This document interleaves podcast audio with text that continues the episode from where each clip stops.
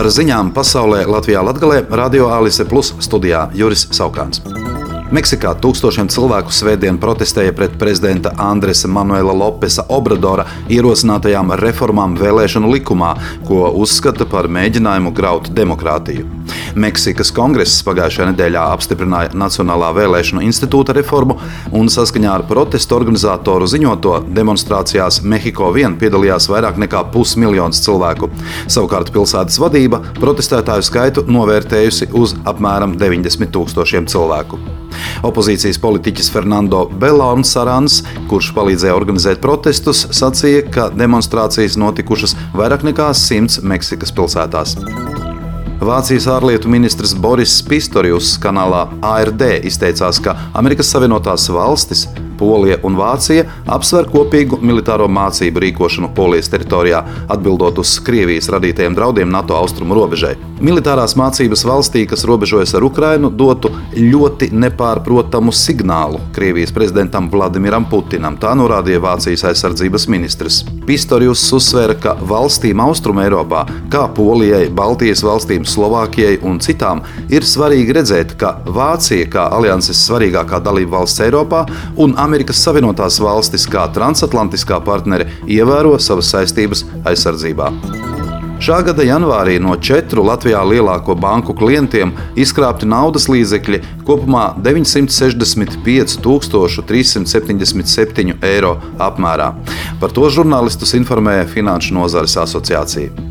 Tajā skaitā gandrīz pusmiljons eiro pretlikumīgi iegūti 246 telefonu krāpšanas gadījumos, bet 387 tūkstoši eiro iegūti 247 investīciju krāpšanas gadījumos. Vēl 80 385 eiro janvārī izkrāpti 114 cita veida krāpšanas gadījumos. Asociācijā norāda, ka šie dati attiecas uz gadījumiem, kad klienti paši ir apstiprinājuši maksājumus no saviem kontiem, vēlāk konstatējot, ka ir notikusi krāpšana. Nacionālo partizānu bruņotās pretošanās atceres dienā 2. martā norisināsies pasākumi vecāko klašu skolēniem Balvu novada muzejā un Stompaku nometnes vietā. Piektdienas 3. marta rīts sāksies ar ziedu nolikšanu pie Latvijas partizānu pulka kritušo karavīru pieminekļa. Tālāk Balvu kultūras un atpūtas centrā sadarbībā ar Latvijas universitāti noritēs zinātniskie lasījumi. Dienas otrā pusē Stompaku nometnes teritorijā Balvu novada Susāju pagastā notiks piemiņas pasākums un jauno bunkuru iesvētīšana nometnes vietā. Par Nacionālo partizānu bruņotās pretošanās atceres dienu ir noteikts 2. marts, jo tieši šajā datumā 1945. gadā Viļakas, iepriekš Abrenes, apriņķa Stompaku purva salās notika lielākā kauja Latvijas Nacionālo partizānu kara vēsturē. Toreiz ap 350 mežabrāļu izcīnīja smagu kauju ar uzbrukošo čekas karaspēku, palika nesakauti un organizēti atkāpās, izvairoties no aplenkuma un zaudējumiem. Nacionālo partizānu bruņotās pretestības atceres diena pagājušajā gadā tika atzīmēta pirmo reizi. Šorīt sniegs un apledojums daudz vietā Latvijā un valsts centrālajā daļā apgrūtināja braukšanu pa valsts galvenajiem un reģionālajiem autoceļiem. Sniegotie ceļa posmi tika tīrīti un kaisīti ar pretslīdes materiāliem.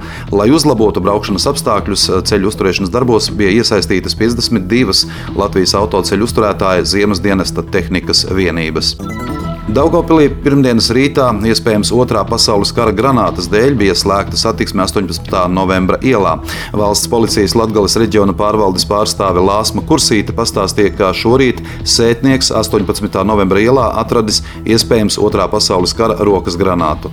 Uz notikuma vietu bija izsaukti sapieri un pilnībā tika slēgta satiksme Daugopilī 18. novembra ielā no Tukuma ielas līdz Valkas ielai. Daugopils pievaķēžu ražotāja akciju sabiedrības Ditona pievaķēžu rūpnīca akcionāru ārkārtas sapulcē piekdien ievēlēta uzņēmuma padome jaunajā sastāvā. Atkārtot sasauktā akcionāru sapulcē uzņēmuma padomē ievēlēti Genādijs Zavadskis, Aleksandrs Sokolovs, Vadims Kazačonoks, Nataļa Ignatova un Oļegs Isupovs ar pilnvaru termiņu uz pieciem gadiem. Jaunievēlētās padomes pilnvaru sākums ir 24. februāris, un tai līdz 3. martam jāievēl no sava sastāva padomes padomas priekšstādātājs un padomas priekšstādātāja vietnieks. Ziņu apskatu pasaulē Latvijā Latvijā veidoja Radio Alise Plus informācijas un ziņu dienas CARS sabiedrības integrācijas fonda atbalstu. Radio Alise Plus studijā bija Juris Saukāns.